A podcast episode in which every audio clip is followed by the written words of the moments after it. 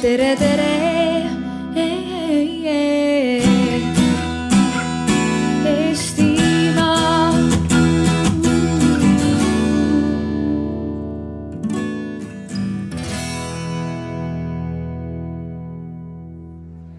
Hea küll, me hakkame pihta. tere päevast kõigile. kahe minuti pärast hakkame ametlikult pihta, aga tegelikult me juba alustame. minu nimi on Henrik Roonemaa, Geenius e-portaali äh, kaasasutaja, selle diskussiooni juht täna siin. Ja mõned tehnilised teadaanded teile. esmalt mul on teile äh, hea uudis ja halb uudis hea uudis on see, et siin varjus, kus päike ei paista, on tegelikult tumbasid, kuhu saab tulla istuma ja siis te ei saa päiksepistet halb uudis on see, et need tumbad ei ole kindlasti nii mugavad, kui need teie lösutamise toolid seal on. et te peate ise otsustama, et kumba pidi te tahate. aga jällegi hea uudis on see, et kui inimene istub sirge seljaga ja siin meile lähemal, siis ta on nagu rohkem diskussioonis sees. Ja tal võib-olla tekib ka tahtmine kätt tõsta ja osaleda selles ja öelda näiteks, et ma pole üldse nõus või et mina arvan nii. igatahes need võimalused on kõik avatud. nii et siin ma näen üks noh, kuus-seitse varjutumbat on kindlasti veel, nii et kes ei taha olla päikse käes, võib tulla siia aga meie räägime siis äh, mis me siis, mulle tundub, et see on selline rahva hirmutamise poolteist tundi, millega me nüüd alustame, et äh, räägime küberturvalisusest ja, ja nagu te näete pealkirjast, siis kõige jõhkramatest turvaintsidentidest ja kes on nende ohvriks langenud ja kui kole on inimeste elu äh, internetis, aga sinna kõrvale siis kahtlemata ka sellest, et kuidas ennast äh,, kas ja kuidas ennast keegi saab kaitsta selle eest meil on väga väärikas paneel siin, minu vasakul käel on äh, Kirke Saar Teliast, tere Kirke. tere. sealt edasi Anto Veldre, äh, kes on Eesti üks legendaarsemaid äh, turvaeksperte, kes ei vaja tutvustamist, ütleme nii. Ja Tõnu Tammer CERT Eestist. tervist. no hakkame siis selle, ma ei tea, kui ma ütlesin rahva hirmutamise poolteist tundi, et see, see on selline teema, mida mida aeg-ajalt tõstetakse üles mulle tundub ikkagi väga-väga paljus selleks, et, et inimesi hirmutada ja ehmatada ja, ja isegi ähvardada ja öelda, et kui te nüüd kohe ei lähe ja ei pane endale poole meetri pikkust parooli ja igale teenusele veel erinevat, et noh, et siis äh, poole tunni pärast on häkkerid teil igal pool sees ja noh, teie elul on äh, kriips peal. sina, Anto, armastad rääkida selliseid jutte inimestele ei no eks ma ikka pean neid rääkima jah, et äh, vaata, kui sa lihtsalt lähed ja räägid mingid igavad kümme punkti ära, siis ei kuula ju keegi. sa oled clickbait'i avastanud. nojah, ei mis avastanud, aga, aga siis sa räägid mingisuguse konkreetse loo, kuidas see sinuga juhtus ja, ja vaatad ka silmaga ja vaat siis, kui sina käitud niimoodi ja, ja siis on nagu teistsugune efekt aga noh, mure on laiem, see, mis meil toimub, on väga kiire tehnoloogia areng pidevalt tulevad mingid uued IT-süsteemid, mis on võimelised kuulama ja vaatama ja, ja kraane kinni ja lahti keerama. ja noh, inimesed on ikka needsamad uudishimulikud, siis nad lähevad näpivad ja, ja teised inimesed töötavad mingi koha peal, kus nad peavadki võõraid asju näppima ja teenivad sellega ja, ja, ja siis on tulemuseks jah mingisugune komplott, kus, kus see tavakodanik ei, ei oska nagu enam istuda ega astuda, et, et issand, mis nüüd saab. no ja siis tuleb arutada, mis siis nagu saab või kas siis üldse saab või et, et seda me vist täna teemegi siin. ja ma arvan, me teeme jah, proovime siis äh, tuua tarkust. Kirke, mitmel äh,, mitmes Telia võrgus olevas arvutis nagu siis kõik kliendid võtke kokku, mitmes ei ole viirust praegu ma nii ei oska vastata, aga ma arvan, et äh, päris mitmes ikka on, et, et see on ka üks asi, millega me igapäevaselt kokku puutume, on see, et äh, kõik hakkab ikkagi pihta sellest inimese enda käitumisest, et et me lihtsalt keegi ei saa vist sellest aru, et meie elu on nii palju läinudki äh, internetti ja tehnoloogiasse. et äh, enamik tegevusi, mida me täna teeme, on kuidagipidi seotud äh, internetiruumiga ja seetõttu inimene, kui ta võttis aega, kui inimesed hakkasid välisuks, välisust lukustama kodus, siis tänaseks ma ütleks, et on paljudel inimestel piltlikult öeldes veel see harjumus, et see välisuks on lahti ja sellest need probleemid pihta hakkavad, et, et me keegi ei arvesta sellega, et äh, tegelikult see, et me pidevalt kuskile midagi enda kohta kirjutame, pildistame äh,, internetti paneme, et see kõik äh, jätab selle ukse lahti. Ja kui me seda ust äh, ise lahti jätame ja siis oleme pärast üllatunud, et keegi sealt uksest sisse tuleb, siis äh, see on ikkagi, ma ütleks, et tänases äh, internetiühiskonnas natuke naiivne käitumine. Ja seda tuleb väga palju ette ja vot nüüd läkski teema juba kaheks, et eh, esimene häda on see, et sa ostad endale koju mingisuguse purgi, eh, noh, ma ei tea, kas Telia oma näiteks või. sa, sa seda. jah, just. ta tuleb ise. ei, ta päris ise ei tule, aga see ei ole tänase paneeli teema. aga siis sa arvad, et sa oled targem ja paned mõne teise purgi, no näiteks mikrotiku oma, eks ole, ja ja noh, siis niimoodi oligi, et sada seitsekümmend tuhat või kakssada kümme tuhat või palju neid mikrotikkusid siis nagu ära, ära omati aga teine asi on see, millega Kirke peale hakkas, et iseenda käitumine, et see ei ole tegelikult tehnoloogiline probleem. see tuleneb globaalühiskonnast. lastele rääkides ma küsin retoorilise küsimuse, palju eestlasi on? ahah, miljon. palju hiinlasi on? ahah, miljard. aga palju on ühiskonnas halbu inimesi? siis me tavaliselt lepime mingi protsendi kokku ja siis ma retooriliselt küsin, et aga mitu paha hiinlast on ühe eestlase kohta ja nad kõik tulevad traati pidi mm. -hmm ma tahtsin võib-olla siia jutule juurde lisada, et, et kui sa küsisid alguses, et, et kas me peame kogu aeg hirmutama. et ma arvan, et täna igaüks mõtleb, kui ta kodunt ära läheb, kas ta keerab ukse lukku, kas ta paneb aknad kinni, kas ta jätab autos telefoni nähtavale kohale või veel parem, paneme sularahapaki sinna, vaatame, kaua võtab aega, et, et, et me nagu ütleme füüsilises maailmas me võtame mõnda asja juba päris niimoodi ise, iseenesestmõistetavana aga digitaalses maailmas nagu ma arvan, et me oleme veel noored. me ei oska seda näha või neid ohte tunnetada ja siis kõlabki see, et, et, et inimesed, kes, kes selles natuke rohkem on sees, kogu aeg kutsuvadki välja, et näed, hunt tuleb, hunt tuleb, kui te nii ei tee, kui te teistmoodi ei tee no ja, aga selle kohta inimesed ütlevad väga hea, ilmselt sina oled kuulnud seda sama palju kui mina. Lähed kellelegi loengut pidama turvalisest käitumisest internetis, salasõnadest ja kahe faktori autentimisest, siis ta tavaliselt ütleb, aga mis mult võtta las nad tulevad, vaatavad. see on ju nii tavaline. see on nüüd stsenaariumite küsimus, et eh, kui vanasti kõige hullem stsenaarium jätsid luua ukse eest ära, siis oli see, et külajoodik tuli sisse, võttis kapist viina, et nagu suuremat kahju ei saanud juhtuda. aga praegu need stsenaariumid on läinud nii tehniliseks, nii mitmeastmeliseks. sa ei tule selle pealegi, et kui sa lähed Facerisse ja kekkad seal oma uue telekaga ja ühtlasi järgmise sissekande teed, et ma nüüd kaheks nädalaks sõidan Tenerifele, et siis nendest kahest faktist nagu midagi võib järeldada mm, ja siis sa oled veel juhatuse liige, oled registreerinud oma mees ja koer OÜ enda koju. et siis on nagu mugav vaadata, kus sa ikka täpselt elad oma telekaga nojah, muidugi rääkimata ka päris lollustest, et kui tahad riigitööle minna, siis oma CV saadad aadressilt äh, kallis miisu viisteist, et äh, ma ei tea, mis mail.com. ei no okei okay,, okei okay,, okei okay., aga ikkagi ma tuleks tagasi, et me ju äh, me, me kõik oleme seal internetis kogu aeg, eks ole, enamus meist tõenäoliselt rohkem kui peaks ja, ja ma ei tea, kahe, kolme, nelja kuni, kuni rohkemate seadmetega kasutame kõiki neid teenuseid ehm,. no ei paista, et inimestel nüüd seal nii kangesti hirmus oleks olla, nad ei oleks seal muidu ju, Tõnu no aga ega iseenesest äh, internetis olek, äh, kui me netisõltuvuse välja jätame, ei olegi midagi halba et, et, et äh, täpselt samamoodi on see, et, et, et me oleme väljas või, või, või kas me peaks siis kogu aeg istuma toas äh, sellepärast, et ma ei tea, puuleht võib, võib, võib pähe kukkuda või võime väljas olles märjaks saada, et, et noh, et, et me nagu noh, ei pelga seda ja me ei peaks ka pelgama. aga, aga nii nagu igas äh, kohas või tundmatus kohas käies, me peaksime tegelikult hoidma silmad lahti, et mis kõik võib juhtuda ja olema teadlikud.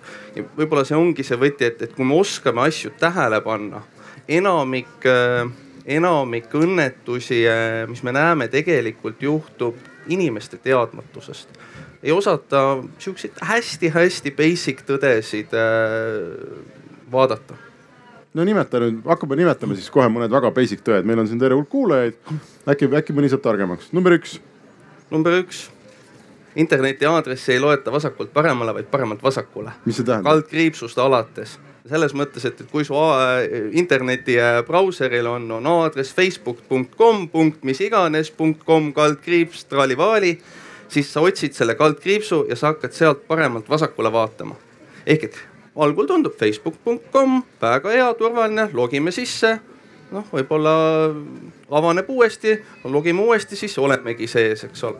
ilma aru saamata, et, et tegelikult selle käigus tõmmati paroolid ära mm -hmm.. okei okay,, lähme, see on väga hea ringmäng, Anto, number kaks. turval-, turvalise käitumise nipp ja nõuanne. Kirkel on number kolm valmis tead sa, ma kirjutasin Geeniusse kirjutasin ka mingisuguse tädimaali jutukese ja, ja seal olid mõned punktid.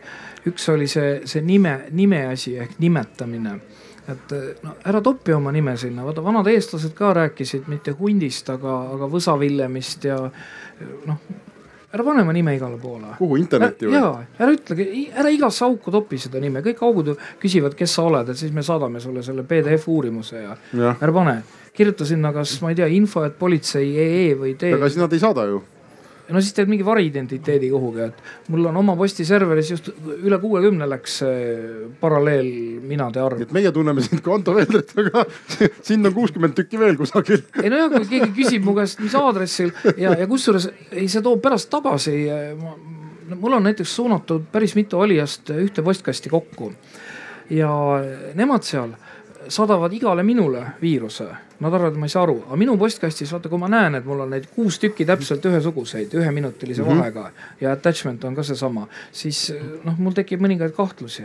aga jah, nimetamine, ära topi oma nime igale poole, pane sinna, pane sinna midagi muud. Kirke number kolm mina ikkagi tuletaks kõikidele seda meelde, et äh, hakkame sellest pihta, et vahetame paroole, et kui te ostate mingi seadme endale ja saate sealt tehasega koos algparoolid, siis võib-olla vahetaks need ära, et äh, meil Telia võrgus ka on ju enamik kliente ikkagi unustavad selle ära, et ruuterile võiks mingi parooli panna ja noh, soovitavalt sellise, mis siis ei ole kuidagi teiega avalikult seotud, et noh, esinimi ja perekonnanimi pluss siis veel nagu panen sinna sünnikuupäeva järgi.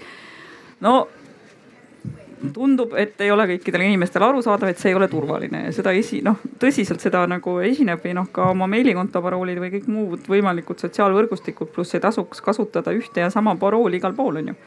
Et see on ka endiselt, et ma saan aru, et on päris raske neid meeles pidada ja selleks on kindlasti Antol äh, terve trobikond pärast äh, nippe, kuidas neid erinevaid paroole genereerida ja meeles hoida neid erinevaid, aga aga et sellest võiks nagu pihta hakata, et ma ei pane igale poole ühte sama parooli, mis on kuidagi seotud mu äh, nimega ja sünnikuupäevaga. okei okay,, lähme tagasi, Anto, korrutame ära, mul on äh, kolmsada veebiteenust, ma mõtlen sinna veel kolmsada parooli, igaüks on kuusteist märki ja vahetan neid iga kolme kuu tagant, jah? teate, seda parooli juttu võis rääkida aastani umbes kaks tuhat kuusteist. Ja, ja selle, selle ruuteri parooliga on ka niimoodi, et esimene asi, kui ma oma Telia ruuteri sain, siis kõigepealt ma lülitasin tal selle Telia wifi välja siis äh, ma üritasin seal midagi vahetada ja pärast ma asendasin selle üldse oma tulemüüriga, see ei olnud mikrotikk. aga. oota, aga mis siis nende paroolidega, miks me enam siis ei räägi seda parooli juttu? See on lõpuks ometi üks asi, mida me oleme tõesti rääkinud kakskümmend aastat ja no nüüd on enam-vähem lootus, et inimesed on hakanud aru saama. ja sa tuled ja ütled, et ja. see nüüd on ju mõttetu jutt või? ma juba kaks aastat räägin seda, et minu arust paroolide asi lõppes ära kaks tuhat kuusteist. ma võin ikka, noh, ma võin rääkida, kui sa oled otsustanud, et sa ikka, et sa muidu ei saa, et sa pead sihukese vanamoodsa asjaga tegema, et vot siis ma võin rääkida, kuidas, aga praegu on ahel selline, punkt üks, kas see auk, kuhu sa tahad minna, see, mille sisse sa tahad astuda, kas see ID-kaardiga võtab su vastu? kui võtab, unusta omad paroolid, igasugused koodikaardid, asjad ja mine. no ja neid teenuseid on maailmas umbes kohe, kolm. kohe, kohe. Äh, mats number järgmine, MID-ga, Smart ID-ga, mingite analoogidega saad, ka ei saa ja siis lähed ostad endale selle kolmekümne, neljakümne eurtsise, ma ei tea, Topasi või Yubiki või mis need firmad on, neid on, neid on päris mitu ja ta töötab täpselt nagu ID-kaart, selle vahega, et mitte riik ei anna sulle, vaid äh, sa ise. Löötad jalaga, ütled genereeri mulle nüüd üks, siis ta geneb sulle ühe, siis sa saadad selle sinna Google'isse, kuidas see mehhanism täpselt käib ja, ja ütled, et kuule Google, et ma nüüd edaspidi hakkan selle asjaga käima. Ja hakkadki. ja nüüd on nii, et see asi on sul rahakoti vahel, täpselt nagu ID-kaart lihtsalt veel kord, mitte Google ei andnud sulle seda, sa ise tegid endale selle omal soovil ja see on puhas kaks FA. see ei ole see üks koma viis FA, eks ole, kus pätid tulevad, kuulavad su SMS-e pealt selle üle SS7 suunavad kuhugi ja võtavad su raha ära nagu Saksamaal. see on ühesõnaga tõeline kaks FA, on kaks faktorit, on asi, mis on sul rahakoti vahel ja on teadmine, mis on sinu peas mm. -hmm ja siis kasutadki Facerit ja Google Maili nagu Eesti ID-kaardiga. näita meile seda. mul ei ole seda ah,. aga miks sa siis räägid, et see peaks olema inimestel ma luban ennast järgmiseks korraks parandada. nii me... ja näita, Marvet, näita ah,. näita, aitäh, hea inimene. Peeter Marvet, kes näeb, demonstreerib teile seninägematut vidinat tulge lähemale, kui tahate. tulge lähemale. sama suur nagu kirjas see on umbes nagu teil on need äh, äh juhtmeta hiir aga räägi, räägi Peeter, tule, ei tule täitsa sekku, võta mingi mikrofon ka ja, ja räägi, kui keeruline selle asja ülepanek, ülespanek oli. räägi, mitu kulli raha sa selleks kulutasid ja siis palju sa seal arvuti najal nõjatusid ja kui keerulisi küsimusi need Google'id ja Facerid küsisid. ja mis sa teed siis, kui sul on vaja telefoniga Google'i sisse logida? see on USB-C, see käib mul telefoni külge ka põhimõtteliselt äh, kurb, kurb reaalsus tähendab ja see ongi, miks ma tahtsin tegelikult nagu sõna sekka öelda, on see, et äh, nende asjade nagu selline praktiline kasutatavus on suhteliselt keerukas. minu käest küsis äh, natukese aega tagasi ühe, ühe organisatsiooni, ah okay,, küsis ühe organisatsiooni äh, turbega tegelev inimene, et äh,, et mida te kohtasite, kui te oma organisatsioonis võtsite need kasutusele.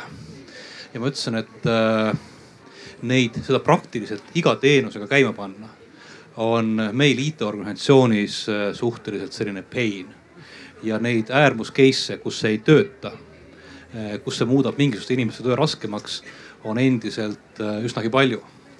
ja see tähendab ühe poole pealt, aga noh, nagu lugu ei ole selles mõttes lootusetu. see tähendab seda, et meie erinevate teenusepakkujatena, kaasa arvatud needsamad nii-öelda Telia ruuterite küsimused, eks ju. Zone'is meie, kui me teeme mingisuguseid e-posti teenuseid ja muid asju siis me peame lihtsalt nagu rääkima oma klientidega selle poole pealt, et me saame aru, et, et meie investeering on see, meie riskihinnang on see, et me loome lahenduse, mis tagab, et see asi töötab. meie loome lahenduse, klient ei pea muutma mingit ruuteri parooli. see ruuteri parool on meie poolt muudetud ja tagatud, et sellist asja ei juhtu. on tagatud see, et kui ma panen oma kohvikusse üles eh, selle 4G ruuteri, siis sealt ei tehta, minu nimel ei võeta SMS-i laenu see on seda tehnoloogiat pakkuva ettevõtte riskianalüüsi küsimus. ja kahetsusväärselt on äh, kõigi nende võimaluste äh, arvestamine, kõigi nende riskide tehnoloogiline maandamine ehk tegelikult oleks tõesti tehtud see asi, sest et keegi peab selle ruuteri paroolide genereerimise ja reset imise omal tööks võtma, selleks on vaja noh, mingisugune nii-öelda, mingi osakond peab tegema mingisugune end-tundi tööd. see kõik on kulu ja oluliselt lihtsam on teha lahendusi, äh, mis on ilma turvalisuseta ja oluliselt lihtsam on sellisel puhul ettevõtetele öelda, et, et noh, nagu me ei teadnud, me ei osanud arvata. mis on hästi lihtne öelda sel hetkel, kui sa pole isegi proovinud arvata. seda vist viisakalt öeldi, et see on funktsionaalne mõtlemine. üks tore näide on äh, kevadine Cambridge Analytica juhtum kus siis öeldi, et aga noh, Facebook võttis ju teadlastelt allkirja, et nad ei müü seda äh, korrumpeerunud ettevõtetele edasi, eks ju. me ju allkirja võtsime, kõik pidi töötama, eks ju mina ütleksin selle kohta, tähendab, et sõbrad, et äh, teie riskianalüüs oli tehtud natukene nihu. see, et kui te annate informatsiooni välja suurele hulgale inimestele, kes annavad allkirja, siis on täiesti kindel, et need andmed lähevad varem või hiljem jalutama, eks ju. Selline noh, nagu noh, teie, teie, teie hinnang olukorrale oli lihtsalt. siin on jah see arvamusfestivalil on alati poliitikuid ka, et siis on teada, et kui sul on vaja midagi lekitada, siis tuleb erakonna siselisti saata kiri. jumala eest mitte meediaga jagada, et ja, siis ta on kõige kiirem viis meediasse jõuda. mina olen ka täna kuulanud äh, siin neid turvadiskussioone kusagil ja öeldakse, et ikka küberi saab korda sellega, et teed seaduse, et seadusega on võimalik reaalselt maailma parandada. kirjutad seaduse ja siis kõik ruuteri paroolid automaadis muutuvad noh see on umbes sama, kui, kui me ütleme, et me ei usalda eraettevõtteid, äh, kes, kes meile teenust pakuvad, et, et, et kõik peab pakkuma riik. mõtle, kui riik, riik veab kaabli, tuleb nüüd see kopp, ta läheb kohe katki, kui ta üritab seda kaablit kaevata mm. -hmm. no ei ole nii. iga, igaüks peab ikkagi äh, ise andma oma panuse, et temal ja teistel oleks turvaline. ja vaadake, riike on mitu selle aasta jooksul on tulnud juba viis uudist selle kohta, et Cisco ruuterites on tagauksed, viis tagaust järjest. Need ei ole koduruuterid, need on need suured seadmed, mis on suurfirmades, riigiasutustes. et no peab siis teisi riike ka aeg-ajalt kartma või, isegi meie sõpru. no tõenäoliselt jah, Kirke, aga ma tahaks küsida su käest, et kas nii nagu äh, Marvet siin vihjas või ütles, et kas, kas Telia ja teised telkod saaksid teha rohkem selleks, et kodukasutajal oleks turvalisem netis käia kindlasti me oleme seda ka hästi palju teinud, aga noh, ikkagi on ju kliendil peab olema ka mingi võimalus äh, endale noh, oma seadmetele ka nagu ligipääsu vajalikult, et sellest tuleb see parooli jutt, eks ju. Ja, ja me pidevalt tegeleme sellega, aga see hakkab ikkagi veel kord ka, et noh, klient peab ise ka nagu tahtma seda turvalisena hoida, on ju, ja klient peab, äh, mis puudutab ärikliente, siis on ikkagi ka see, et et äh, näiteks see Vannagra juhtum õnneks Eestis nagu väga palju ju äh, pahandust ei teinud, aga, aga mis oli nagu, äh, mis oli nagu meie sõnum äriklientidele nagu see, et kui te tahategi sellist teenust osta ja te ütlete, et ei, ma ei ole nõus nagu maksma mingi upgrade'i eest ja mul on mingi kümme aastat vana server, et endiselt on selliseid väikeettevõtteid ka, me oleme väevõimuga osadele nendele siis teistsugust teenust hakanud pakkuma, aga. Aga et äh, telkod saavad hästi palju teha, aga see on selline üldine nii ärikliendi kui ka erakliendi ehk tarbija nagu teadlikkus ka, et ma pean ka nagu ähm, tahtma seda paremat teenust saada. aga kas turvaauguga või, või, või isegi veel hullem näiteks noh, viirusega nakatunud seadmel on üldse õigus internetis käia? miks ta peaks sinna saama? Äh, no, proovi esi..., proovi seda ära keelata seadusega. ma ei, no ja. mitte seadusega, Telia võib öelda, et äh, meie hoiame interneti puhta ja kui sul on auk või viirus, head aega, me ei, ei luba no, selle no nagu purjus peaga ei tohi maanteel sõita, no meie ja. internetis ei käi turvaauguga. lihtsalt, et sellest saab ka nagu, äh, ma ütleks, et see hakkab ka sellest pihta, et kindlasti Anto oskab tehnoloogiliselt paremini kommenteerida, aga, aga see hakkab ka sellest pihta, et tavaliselt läheb natukene aega, enne kui need, enne kui suudetakse tuvastada need nakatunud seadmed, et, et ega see ei ole nii, et see on kohe nagu nähtav, et, et selles mõttes loomulikult siis, kui need seadmed on tuvastatud, saab need sealt välja võtta ja, ja saab need nii-öelda kahjutuks teha, aga aga, aga see hakkab ka, miks need viirused endiselt levivad, on ju see, et see ei ole nagu nii lihtne ja tihtipeale selle tuvastamine ei ole, ei ole niivõrd kerge ja noh, kasvõi see Spectre kaasus on ju, kus oli ka, läks ikka tükk aega aega, enne kui üldse aru saada, et mingi tagauks on olemas ja noh, ma arvan, et ka probleem on üha rohkem selles, et kuna see mm, IT-teadlikkus ka nagu igasugustel pahatahtlikel inimestel on oluliselt kasvama ja, ja ütleme füüsiliselt täna mingit vara saada või mingit kahju tekitada on raskem, et ikkagi äh, interneti kaudu on enamik teenuseid lõpuks häkitavad sõltub vastavatest oskustest, siis, äh, siis on ka erinevatel tootjatel üha rohkem just selliseid tootjapoolseid bugisid sees mis minu arvates on nagu väga selline ohtlik teema, et üks on see Cisco ruuterite näine, teine see WannaCry, meil on päris palju viimase kahe aasta jooksul neid näiteid, kus ikkagi suurtel maailma turvalisemaks peetavatel tootjatel on mingi tagauks lahti. Ja, ja see ei ole, loodame tahtlikult tehtud, aga, aga lihtsalt ka see nagu äh, nende pahalaste teadlikkus on nii palju kasvanud. Tõnu, äh, ma, ma samas kommenteeriks juurde, tähendab, et äh, teenusepakkujate poolt noh, nii ilmselt nii teie kui meie vaatest on see, et äh, see, selle arvuti ebaturvalisuse tuvastamine on meie jaoks kulu. meie jaoks on oluliselt odavam on see, et meil on olemas mingisugune jäme toru ehk meid tegelikult see kodus olev arvuti otseselt ei sega. täpselt samuti, kui me kujutame ette, et on mingi ettevõte kusagil, tema saab pihta niimoodi teenustõkestusründega siis äh, äh, hakkab, hakkab selle vastu võitlema see äh, organisatsioon etapil, kellele see probleemiks muutub.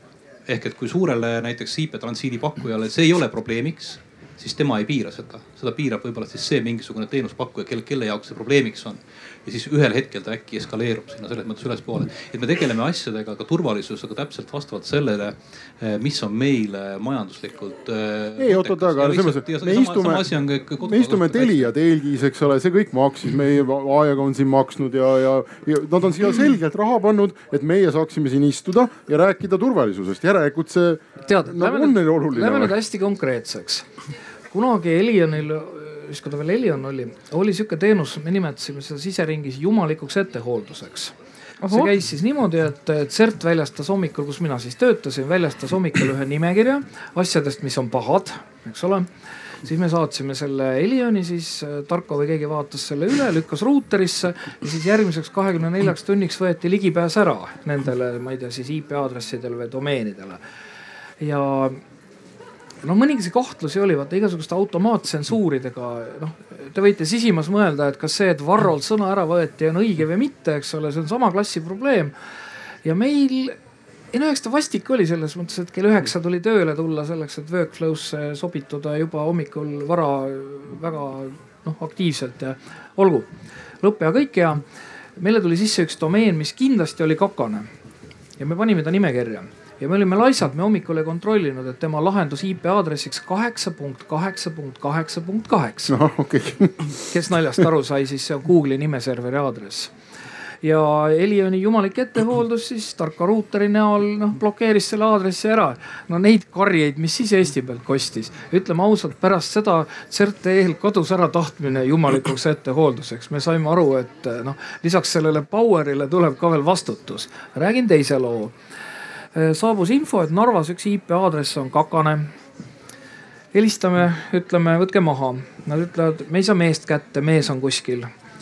saadi siis lõpuks mees kätte, siis tuli välja, et tegemist on Narvas suure kaubanduskeskusega, kus kõik äh, need postterminalid jõuavad lõpuks ühele IP aadressile ja seal taga siis ilmselt noh, üks pisike arvuti on kakane, aga seal on, eks ole, no ma ei tea, mitmeid kümneid või mitu, palju neid seal on postterminale. no midagi noh tegime Virile muige ja ootasime poolteist ööpäeva, kuni mees üles leiti. mees tegi korda ja siis kõik kassaterminalid töötasid. ehk siis tegelikult oli valik, oli risk, et nüüd sealt kaubamajast minnakse ja tehakse järgmine kaubamaja.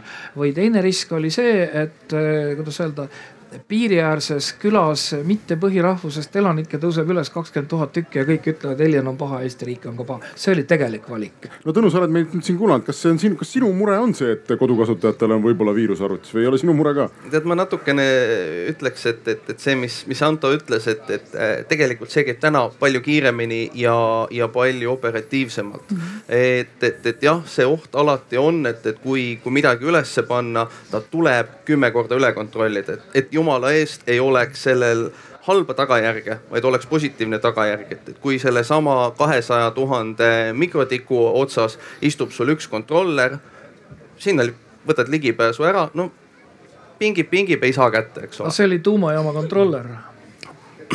noh, ma arvan, et meil need tuumajaama kontrollerid äh, Eestit selles mõttes väga ei mõjuta. aga su eelmise küsimuse juurde tulles, et kas me peaksime seadma õiguse internetti pääseda ainult nendel seadmetel, mis on turvalised.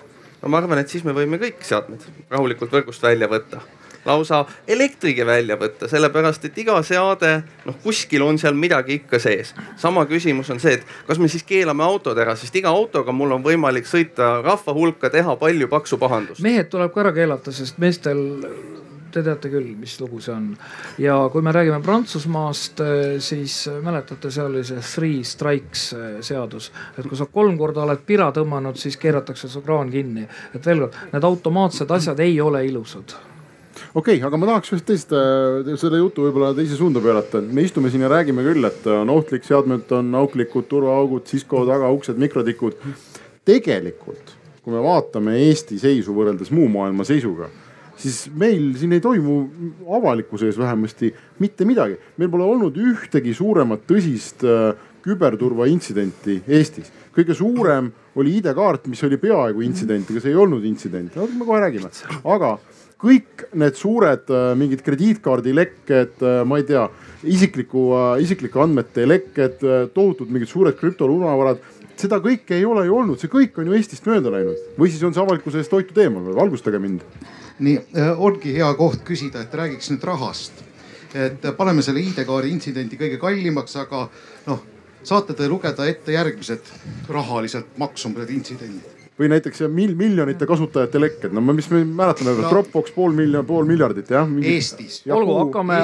no ma võtan maailma konteksti, panen juurde, Yahoo'st lekkis peaaegu miljard. vaadake, on Raha. olemas, on olemas potentsiaalsed ja kineetilised lekked, eks ole Tammsaare pargist leiti USB pulk, mille peal oli kõigi kutsealuste nimekiri. selle lihtsalt leidis õige inimene ja viis õigesse kohta. mis oleks olnud kahju, kui oleks vale inimene selle leidnud kes mäletab, kahekümne kuues september tuhat üheksasada üheksakümmend kuus, Aktuaalne kaamera kõigepealt hilineb kolm tundi ja siis näidatakse, sorry, kolm minutit. Ja siis näidatakse seal äh, Imre Perli andmebaasi, valitakse sealt välja Tiit Vähi nimi, tehakse talle, mis see oli, suhete analüüsi, võetakse telefoninumber ja pangalaenud kas see oli kakskümmend kaks aastat tagasi? jah, ja see Meil oligi ole... ja see oligi see koht, kus toimus ära Eesti kõige jubedam, kõige jõledam, kõige suuremate tagajärgedega leke. me ei ole läinud läänele seda kuulutama, me lihtsalt moka otsast mõnikord kobiseme, et noh, näiteks X-tee ülesehitus arvestab seda ja mõned muud asjad arvestavad. aga see on just täpselt see, mis teistes riikides praegu juhtub. meie ehitasime oma süsteemid nii üles, et ei saa korraga palju lekkida. kui rahvastikuregistri andmed lekivad, siis neile otsa vaadates on ju kohe selge lekkisevad rahvastikuregistrist, kes on vastutav isik võetakse tal lipsust või mõnest muust kohast ja, ja noh, ja on selge, aga läänes ei ole seda, seal on need suured. aga ikkagi, aga järelikult mul on õigus, kui ma ütlen, et meil ei ole üle kahekümne aasta olnud ühtegi tõsiseltvõetavat. ei ole õige, äh, info, infobaas tuhat üheksasada üheksakümmend üheksa. sa oled Mina... ikka eelmine sajand. ei, ma lihtsalt tulin ajaloos edasi no,. kolm aastat said praegu. ma aitan natukene Antot, et äh, paar aastat tagasi VKG pani päris hulga raha magama selleks, et oma tootmine uuesti käima saada. tõsi küll, minu ettevõte viisteist aastat tagasi pani kaks miljonit krooni magama, sellepärast et häkerdati, no mis teha et on olemas suured rahalised ka, aga need on valdavalt ettevõttesuunalised.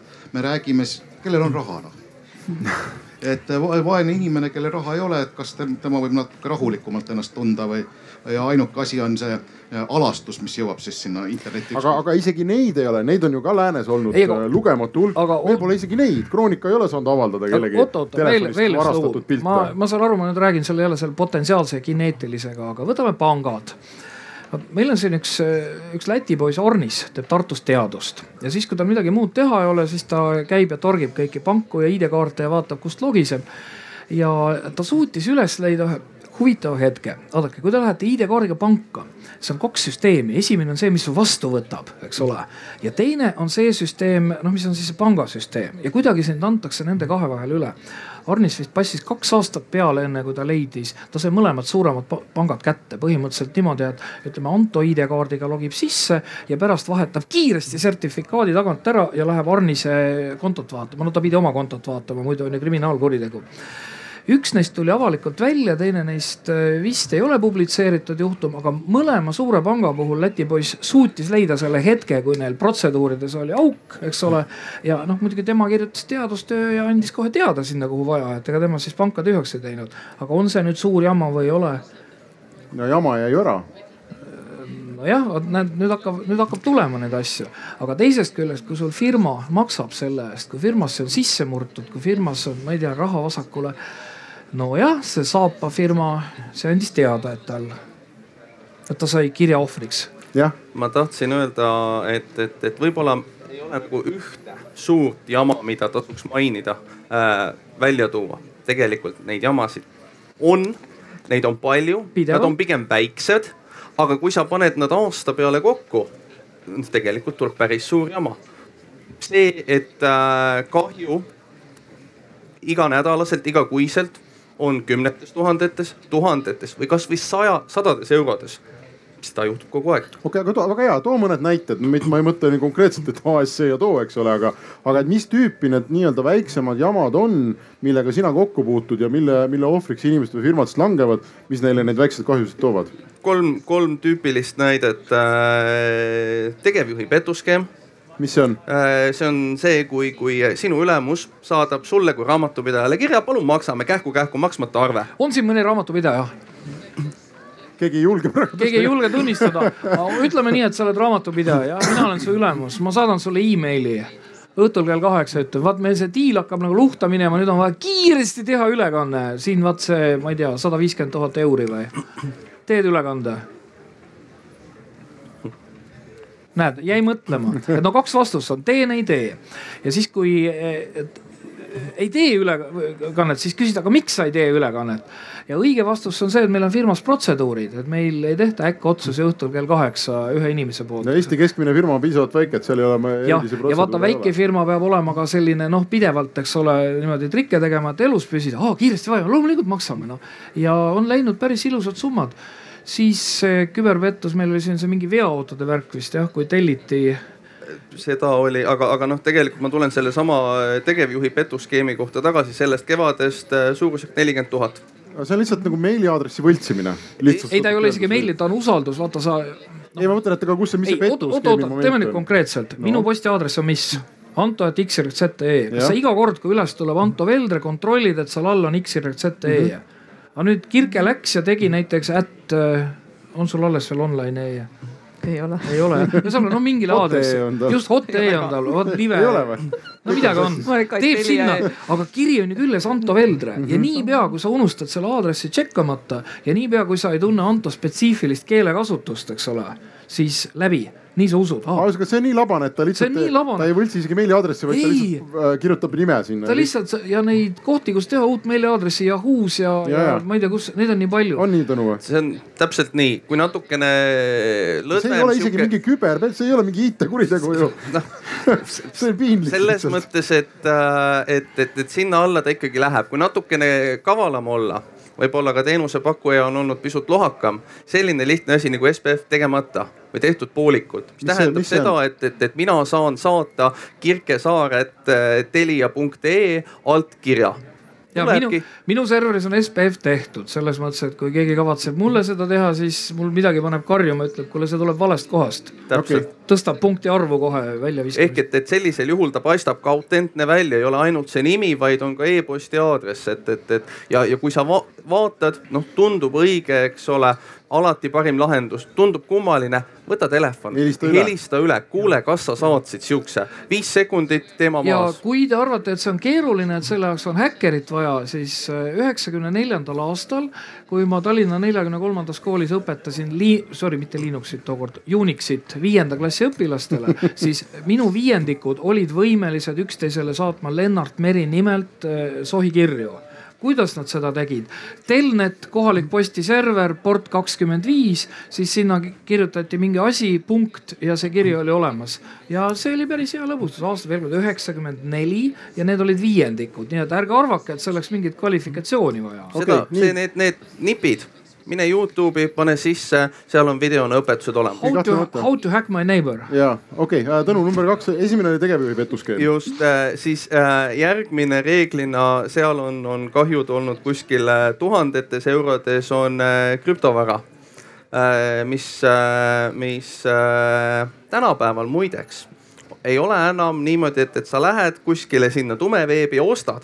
ei, tänapäeval see on juba ärimudel, sa ostad teenuse sina otsid koha, nemad pakuvad sulle sellist tarkvara teenusena ja ka- kasseerivad noh, meie puhul mingisugune nelikümmend protsenti vahelt sisse. sina pead teadma, kuidas sa ta sinna sisse saad. kas politsei maksis või tal oli back-up? minu teada tal oli back-up. kas kiirabi maksis või tal oli back-up? üldiselt. Minu teada tal oli back-up. aga, aga, aga meil on teada taaskord juhus, kus, kus äh, back-up oli eelmise aasta lõpust. No mis sa teed? palju maksta tuleb?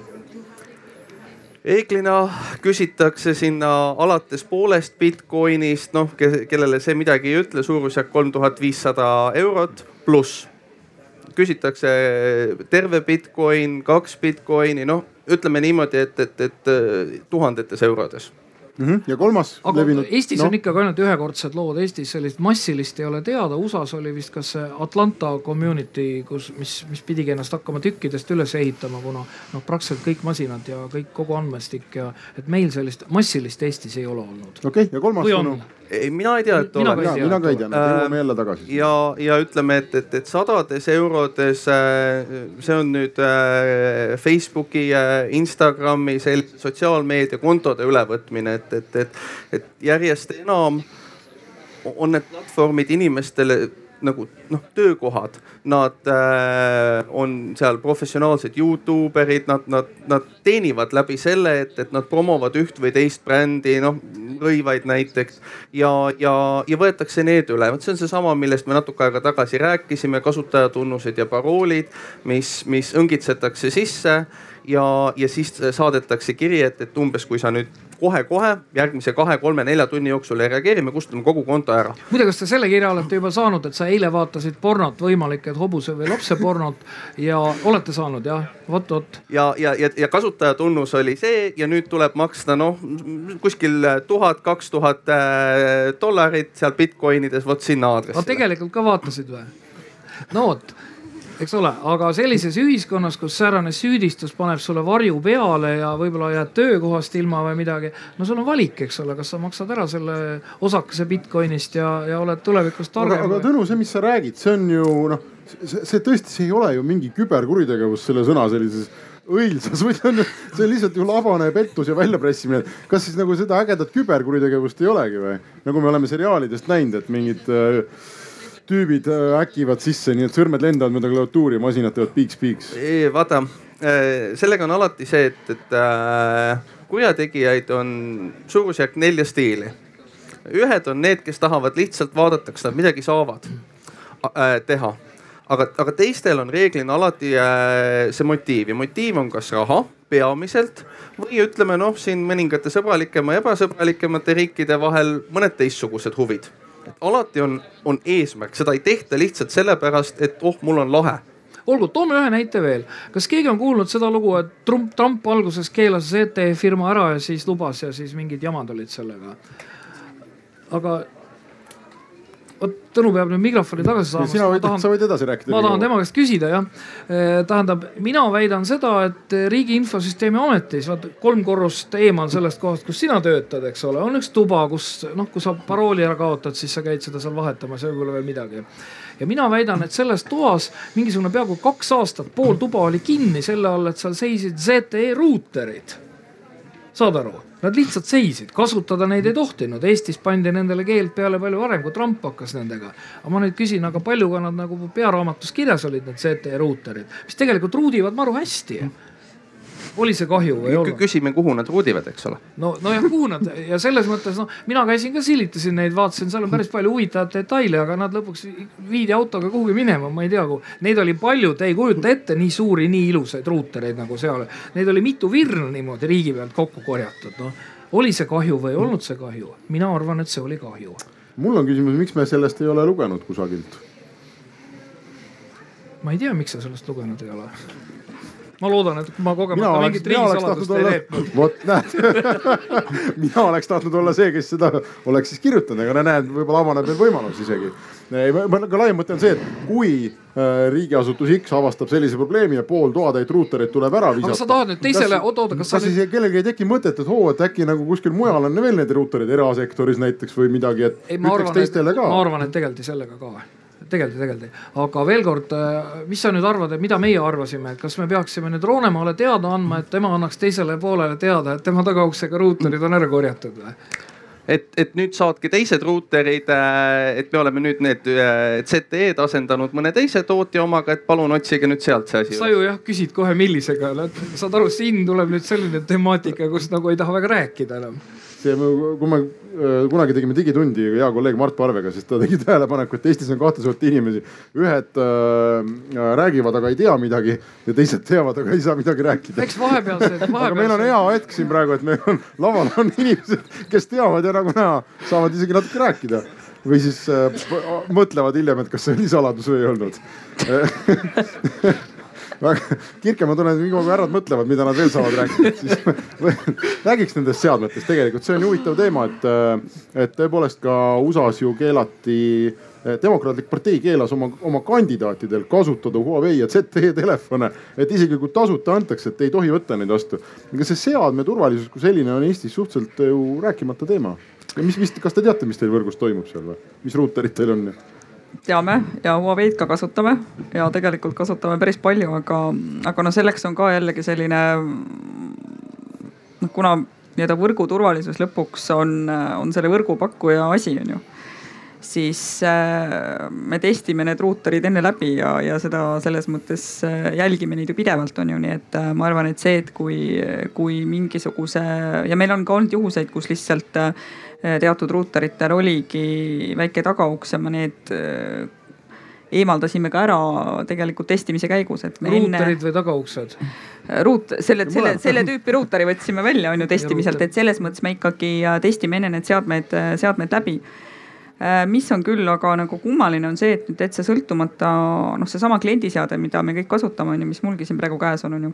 kliendiseadmeks nimetad sina siis telefoni? no ütleme antud juhul telefon on ju, et, äh, et äh, kui need ruuterid ikkagi Telia suhteliselt kontrollib, mida ta võrku paneb ja me need enne ära testime, siis see, mis telefoni keegi kasutab, on juba nagu ikkagi Äh, oluliselt keerulisem ja see, kui kiiresti mingeid turvaauke lapib ära vastav tootja, et äh, kui kiiresti tuleb iOS-ile uus äh, update või Android, kui on avastatud mingi tagauks, et see on nagu kindlasti ka üks koht, et tihtipeale ma ütleks nii, et kui teile tuleb ikkagi teavitus, et, et pange uus versioon peale, siis mina seda soovitan soojalt teha, sest et iga natukese aja tagant on, on tulnud ju välja, et, et ikkagi mingeid turvaauke on. Äh, ja nüüd, mis on nagu äh, viimaste siis äh, ma ütleks siis paari nädala nagu see, mm, millest oli teil ka kindlasti meedias lugeda, on ju, olid need sama Kurunurru Vutisaare kõned.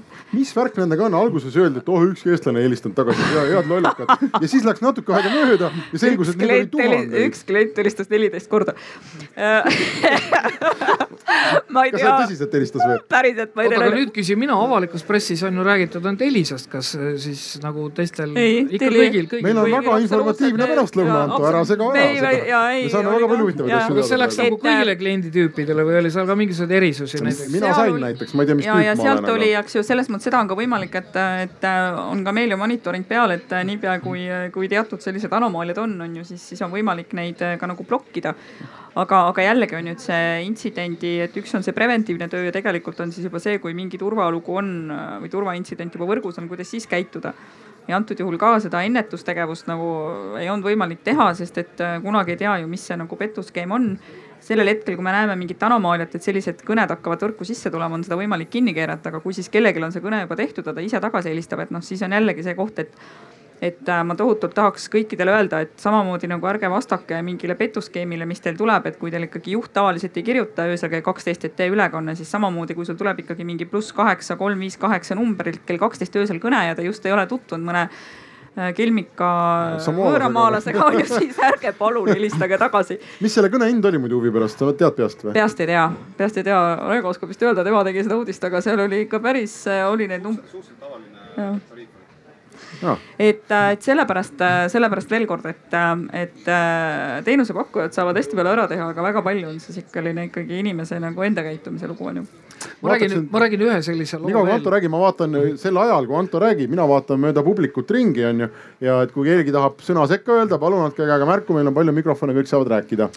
kindlasti te kõik olete MID-d kasutanud mobiil-ID. mobiil-ID, et sisestad sinna kuhugi ja siis saad oma teenusesse ja mis siis juhtub, siis tuleb sulle kõigepealt see verifitseerimise läpakas number, lätakas numbriga, noh näiteks üks, seitse, seitse, seitse. ja siis sa pead äh, vaatama, kas see on seesama number, mis sulle tuleb ja siis pead yes ütlema, eks ole mina olen näinud petuskeemi või nüüd petuskeemi, see vend lihtsalt testis, et mis võimalik on. ühesõnaga kõrgema haridusega inimene öösel kell pool üks saab selle kutse. ma nüüd ei mäleta, kas see oli panka või riigiasutusse või, või, või kuhugi nagu te saate, et ei ole kusagil veebis sees, te ei ole algatanud mingit autentimist ja pool üks öösel tuleb see, et näed siit näiteks, no ma ei tea, Riigi Infosüsteemi Amet üks, kaks, seitse, kuus, vajutate jess sinna aga järgmises küsitakse pinni, kas panete oma pinni? aga miks? aga see naisterahvas pani mõlemad ära ja, ja siis pärast sai ta käest küsitud, et aga miks sa niimoodi tegid, et kas sa nagu aru ei saanud, mis see kontekst on. ja tema ütles selle peale, et tead, aga mul tuli meelde kahe tuhande seitsmes aasta, siis kui saadeti need SMS-e, et ära mine platsi peale. ma korraks siiralt mõtlesin, et äkki minu riik tahab mulle midagi teatada mm. -hmm. ja väga turvaliselt. ja väga turvaliselt jah, ja ja noh, vot siin vajuvad mul nagu käed rippu, et ma ei oska muud öelda, kui teile öösel tuleb see numbri küsimine, siis te teate, et teie riik tahab teile midagi teatada, et kannatab ehk hommikuni. aga et mõned petuskeemid on ikkagi tõsiselt hullud. ma, ma teeks lihtsama näite äh, käisime hiljuti äh, tegemas sellist tavalist küberhügieeni koolitust ja muuhulgas sai öeldud, et, et noh, et, et paroole me ei jaga ja nii edasi ja nii edasi. oma ID-kaarte ja koode ka vallavanem vallasekretärile või oma assistendile ei anna, et, et noh, et, et siis on hea mõnus niimoodi kõiki dokumente ära teha.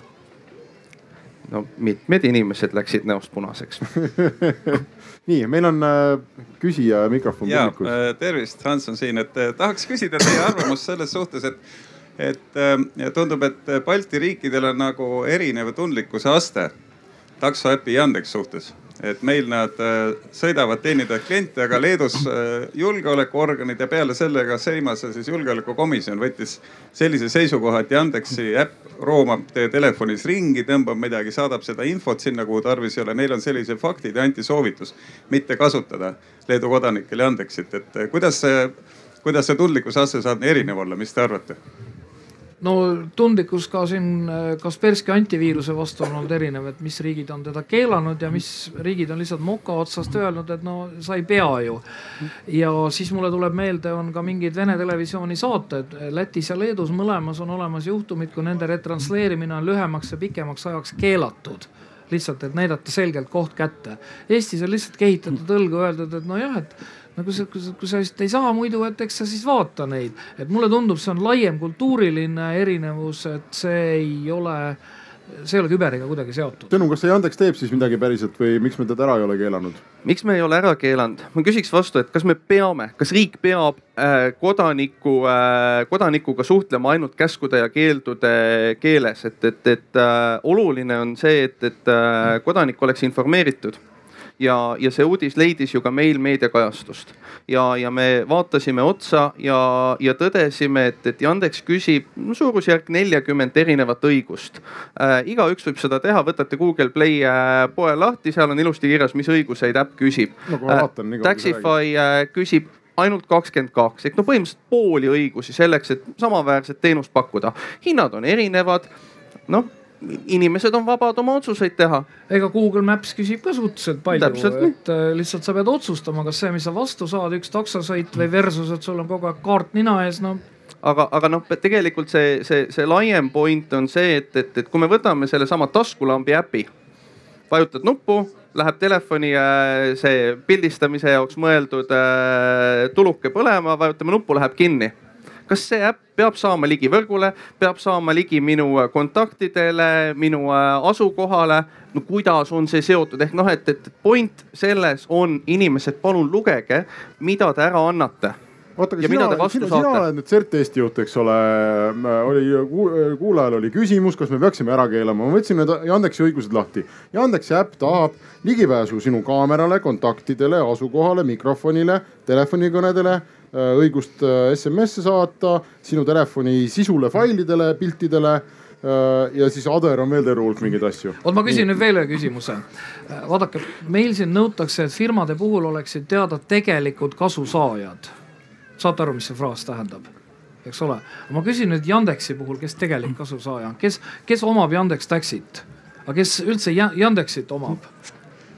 Ei, mul ei ole neid sajaprotsendiliseid vastuseid, aga lihtsalt mõelge korraks sellele. ei no lihtsalt oota, aga ma Tõnu käest küsin, et sa oled, eks ole, nüüd Eesti juht, et tuleb selline äpp, takso äpp iseenesest tahab saada sinu fotodele ja ma ei tea, mikrofonile ligipääsu ehm, kas selle peaks nagu ära keelama või ei peaks kuidas, kuidas see sinu, ma ei tea, protseduur või mõte, mõte nagu lõng liigub selle koha peal?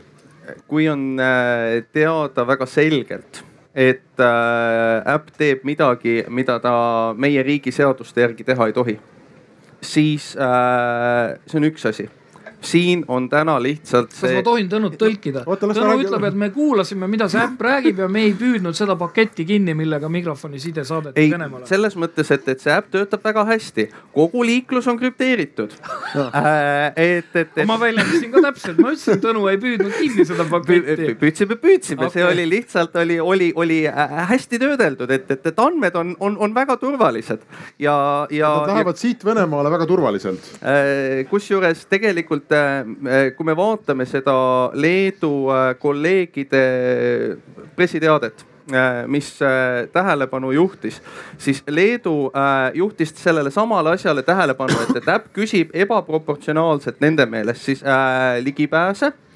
Pluss äh, kui, kui äh, ettevõtte esindaja Leedus äh, kinnitas, et, et, et noh, et, et Euroopa kasutajate andmeid hoitakse Soome serveris, siis tegelikult lugedes sealtsamast Google'ist seda small print'i, seal on muuhulgas kirjas, et võidakse viia ka välja.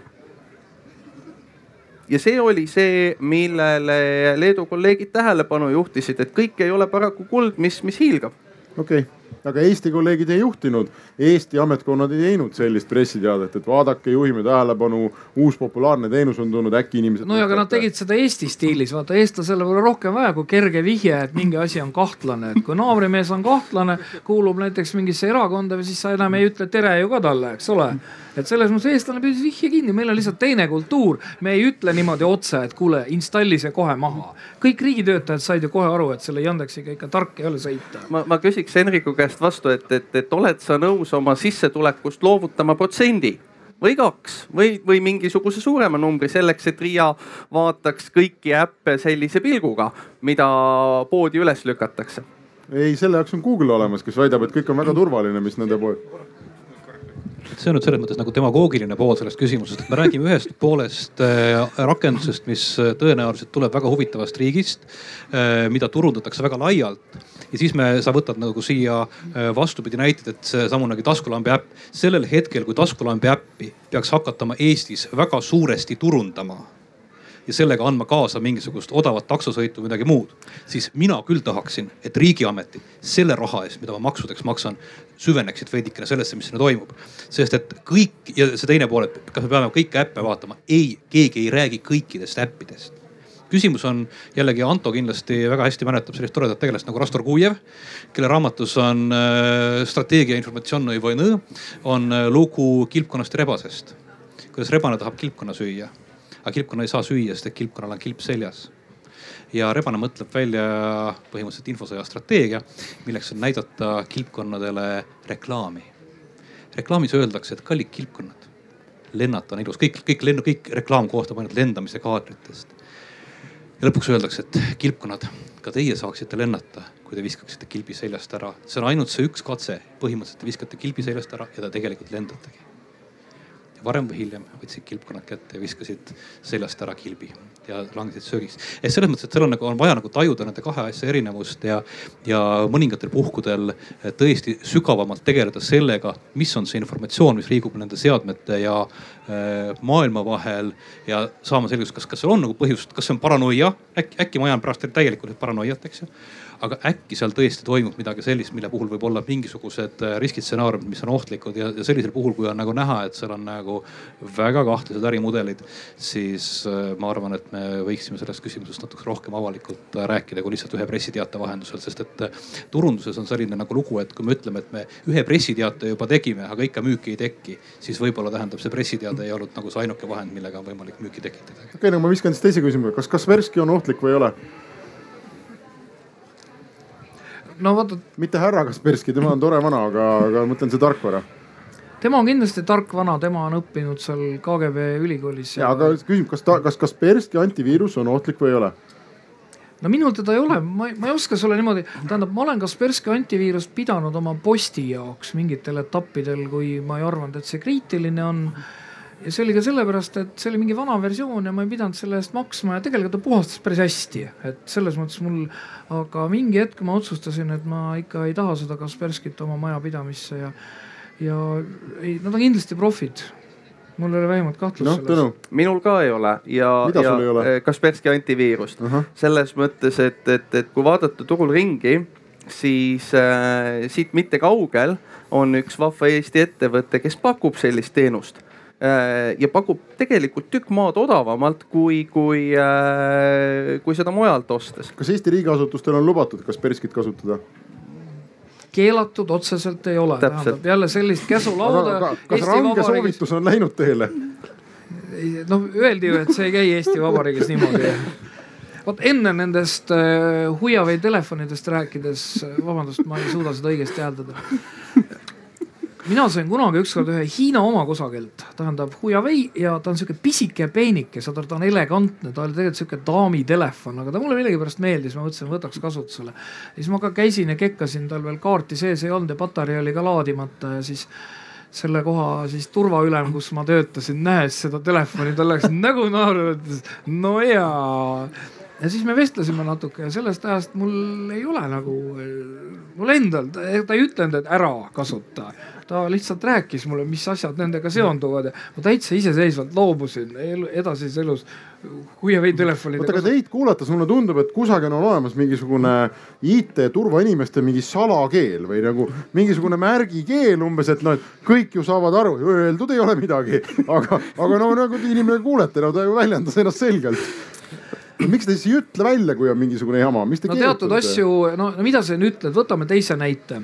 Ria väljastas dokumendi selle kohta, kuidas Windows kümmet kasutada organisatsioonis, mis selle dokumendi sisu on, et kui sa ostad absoluutselt kõige kallima neist, mis üldse olemas on ja, ja, ja timmid seal veel paari parameetrit, siis noh, siis peaaegu juba võib installida, on vist sihuke sisu.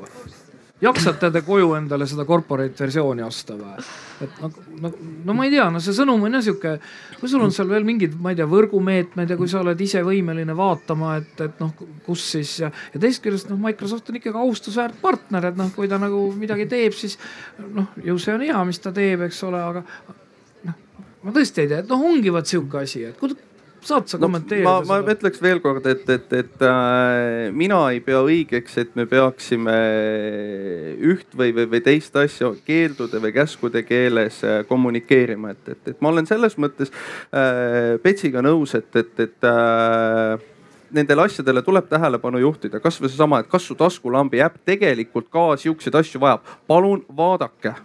ja kui inimesed ise vaatavad, siis kaitsevad nad ennast palju laiemalt kui üks äpp. sul võib olla taustal mingi teine äpp, mis teeb täpselt sama või veelgi rohkem.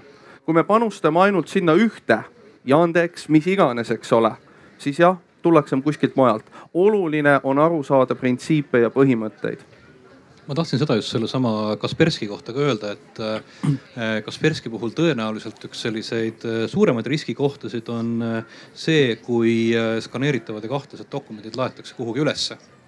Ehk paljudes rakendustes on sees täiesti selles mõttes legitiimset funktsionaalsust mis äh, sinu organisatsiooni infoturbepoliitika vaatest võib osutuda äärmiselt äh, sobivaks. ja käesolevas poliitilises, maailmapoliitilises olukorras võib osutuda pisut ebasobivaks. jah, kas Kasperskiga seotud selles mõttes nagu noh, inimestele meeldib lugusid kuulata, siis Kasperskiga seotud toredamaid lugusid oli seoses äh, USA salajaste dokumentide lekkimisega, mis mäletamist mööda vist lekkisid ühest riigi, üks... riigi, riigikontraktori arvutist. koduarvutist vist lausa. tal oli Kasperski installeeritud. koduarvutist, kus oli Kasperski piraatversioon versioon ja mis oli seadistatud niimoodi, et leitud kahtlased dokumendid äh, laetakse ülesse Kasperskisse.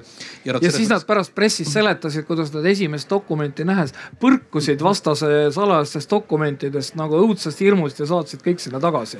mingi tore jutt käis juurde ja,. jah, jah, jah, jah, et selles mõttes, et, et äh, sageli tehnoloogia puhul on see, et, et, äh, et sellega, kui me ütleme, tähendab, et nagu üks tehnoloogia või üks konkreetne firma on paha, eks ju et see ei ole tegelikult see, millega me suudame ennast kaitsta. täpselt seesama, et nendes samades äh, ei kasuta ZTE-d, eks ju, aga Huawei's ja, ja, ja, ja mikrotikus on nagu neid, neid vigu küllaga, eks ju. ja nagu ilmneb, siis need vead tulevad välja järjekordselt CIA või äh, NSA mingisugusest lekkest, eks ju. ehk need asjad on olnud teada vajalikele inimestele juba äh, pikemat aega.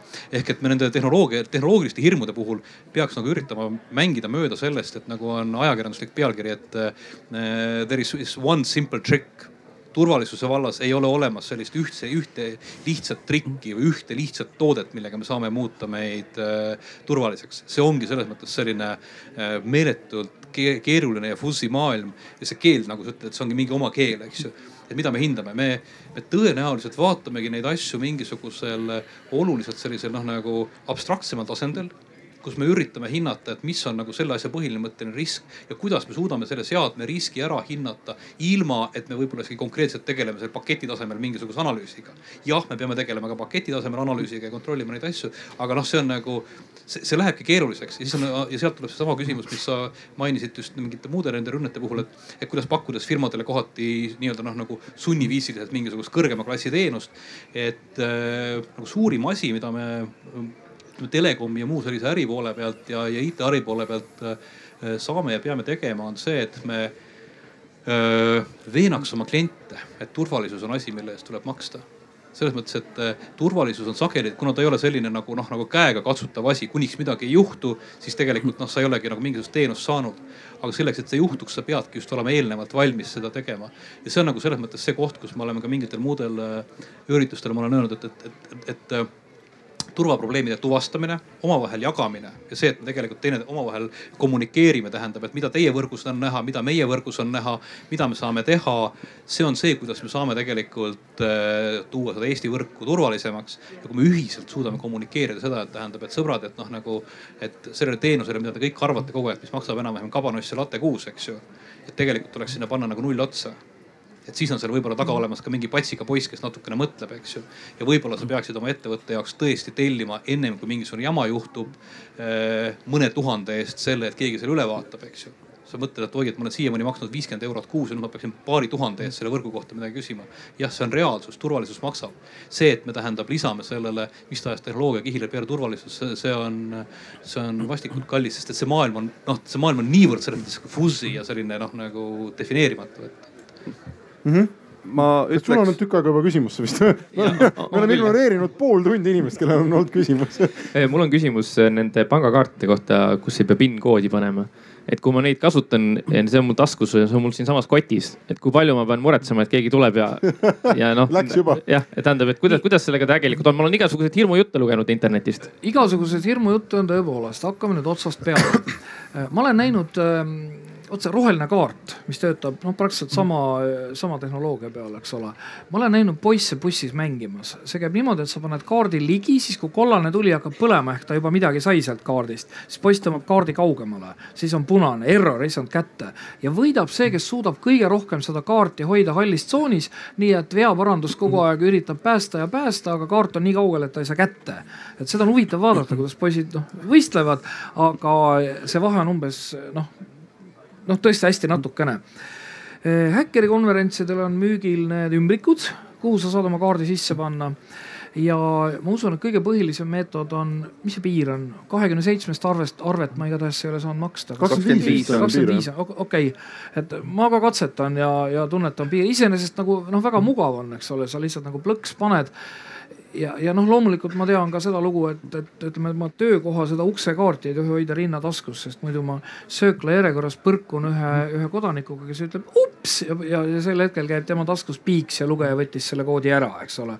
osade kaart, noh täitsa see toimib. Ja siis me võime rääkida neist elektriautode kaartidest, kus on täpselt sama süsteem nagu Tallinna bussikaartidel ja no nii on noh No no,, ma ei- RFID, NFC, eks ole kellel on taskus autovõtmed, mis on sa pead ise oma riskid, ise oma riskid paika panema ja ise oma nii-öelda edevuse ja mugavusega balansseerima. kas sa tahad olla edev, kas sa tunned piinlikkust, kui su taga on järjekord? no kui sa tunned piinlikkust, no pane siis sinna kuni kahekümne viie eest saad suppi osta, eks ole. ja, ja kui sa piinlikkust ei tunne, kui sa ütled, et minu turv ja kõik mu selja taga käigu jala ja kannatad ära selle sõimamise, et mis sa kohmerdad seal kassa juures, no siis toksid oma koodi, noh nii ongi. ma, ma ütleks vastupidi. kui sa paned selle PIN koodi ühe eurosele ostule ja see PIN kood vaadatakse ja pärast võetakse su kaart sealt ära, siis on su kahju palju sa oled suurem. igatpidi tegelikult kaotusseisus. targem on üldse mitte midagi teha. et, et aga, aga, aga jätkuks sellele, mis, mis Pets varem ütles tegelikult, et üldse mitte inimesi hirmutada. sa küsisid ka varem, et kuidas meil tegelikult siis olukord on. ma ütleks, et äh, on väga palju sellist äh, pahasid asju, mida Eesti IP-de peale ehk Eesti aadressitele ei jagata. mida tulles äh, mujalt sa saaksid. Ma arvan, et muide, see on sügav probleem, siis kui Eestisse tuli esimene see noh, ransomware lunavara mm. -hmm. see juhtum, noh, ma olin tööl kui see oli see oli, mis see oli, mingi, mingi muuseumi turvamees sai selle vist või? siis me käisime, kasseerisime selle arvuti sisse, tõime endale laua peale, targemad mehed uurisid. lasid ta veel kord käima virtuaalmasinas no vaja ju teada, kuidas see viirus elab seal ja, ja mis siis oli, tõesti alguses installiti ransomware ära ja me andsime kohe ka hoiatuse, et lunavara ja Eesti inimesed noh, hoiduge selle eest.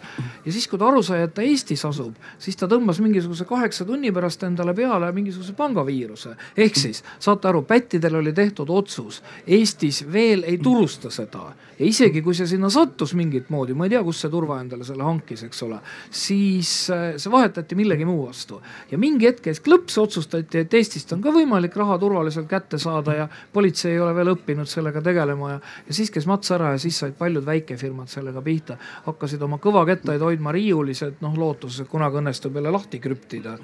et äh, nii ta on aga mis mu jutu point oli tegelikult see, et, et, et, et meil on asjad suhteliselt paremal järjel kui võib-olla mõningates teistes kohtades seda. ma rääkisin ammu juba. Aga- ma tõlgin tänu, ma tõlgin tänult jälle. ta tahab öelda seda, et on ohtlik saata viirust Eestisse, sellepärast et politsei ja CERT koostöös ja võib-olla saadavad raisakullid veel ameeriklastele ka uurimiseks ja siis on selge, kuidas selle vastu võidelda. aga mingisse teise riiki, näiteks Bulgaariasse saata on jumala ohutu no ma tahtsin just paremini seda väljendust, väljendit äh, või kujundlikumalt seda esitada, et, et, et on aru saadud, et kui sa tuled meie hoovile kaklema, siis sa saad peksa. ja targem on, on, on oma pättustega tegeleda võib-olla kuskil mujal.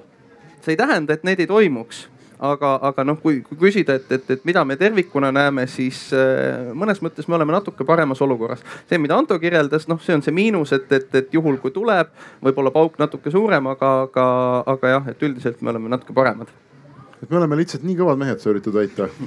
muidugi oleme. siin oli ka probleem, kes siin, kas Eesti internet, jumal, kes see korraldas selle võistluse, et äh, kes on küberturbe poolest kõige parem. ja siis tuli võtta alguses kohe otsus vastu, et Eesti esimest kohta ei võida, sellepärast et äh, noh, muidu oleks nagu probleem olnud ja võitiski keegi teine tegelikult aga tegelikult oleks pidanud võitma ikkagi Eesti jah no, no, vaatasin, see meie odaviskaja jäi ka kolmandaks, aga ju, ju see oli ka kokku lepitud. kas meil on publikusse veel võimalik äh, kellelegi mikrofon kätte suruda? ma kõiki ei näe ka telgi serva tagant, et pakkumisel on, näete. oh ja lähebki kaubaks. seal täpselt telgi vaia taga on üks härra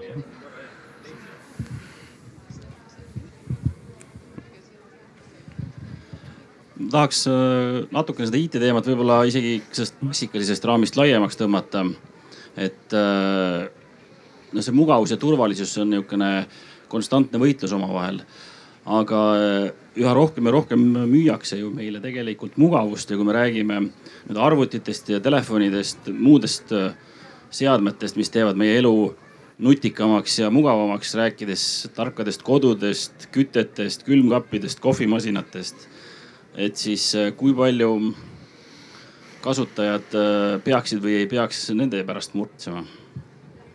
no Kirke, võib-olla sa vastad. Teie võrgus nad kõik elavad. jah, ma arvan, et äh, ma arvan, et seoses selle nii-öelda asjade interneti kasvuga, siis, siis oluliselt kasvab tavatarbija teadlikkuse vajadus on ju et samamoodi, kui sa ikkagi äh, mingisuguse tundmatust allikast äh, masina omale võrku paned, äh, siis sellele võib keegi, läbi selle võib keegi sulle võrku sisse tulla ja igast asju seal teha.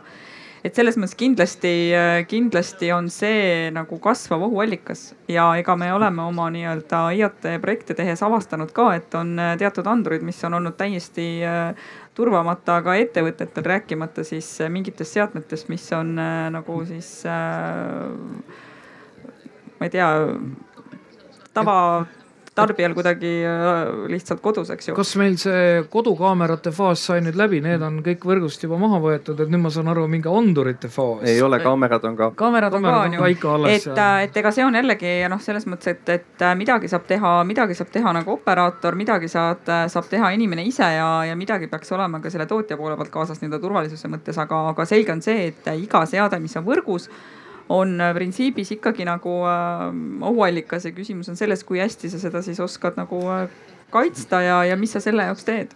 aga kuulge, mul on ikka nagu, kui ma panen ennast tarbija nagu tossudesse, nagu ma siin praegu olen, et ma ikka tahaks, et, et sina ja, ja, ja Tõnu ja võib-olla Anto aitab kaasa, onju, et lahendaks ära selle probleemi. kaua käib mingi jaur, et tarbija peab ja parooli muutma ja vahetaja, eks sa ise ja hügieen ja kujuta ette, kui ma ostaks auto, mis aeg-ajalt pidurdab, aeg-ajalt ei pidurda, onju, ja siis öeldakse, no vot, meil ongi niimoodi, et ega see kõik uus tehnoloogia, teate, see areneb. sul seda no. autot ei ole veel, mille rooli saab üle wifi keerata? no näide, nojah, see, see on veel teine asi ja siis tuleb riik ja ütleb, et no meil on maantee, jah, tõesti, me oleme neid maanteid ehitanud, aga noh, vaadake, et seal aeg-ajalt võib lihtsalt juhtuda, et pimedas, et meil ei ole seda maanteed, et noh, saage aru, et me pole jõudnud veel ja, ja seal kuskil tapa taga on üldse maanteeröövlid tihti, et aga noh, me ka jõudumööda ikka nagu proovime, et ma lihtsalt ütlesin, kuulge, tehke korda. ma ei üks, taha nagu minna relvakursustele selle pärast. väga oluline järeldus on, tehnoloogia areng tegelikult võib viia, noh, ma ei tea, milleni, diktatuurini, maailmavalitsuseni. vaata, kui ilus oleks, kui noh, riiki ei oleks, politsei peab mingeid järelpäringuid tegema kuskile Botswanasse, eks ole.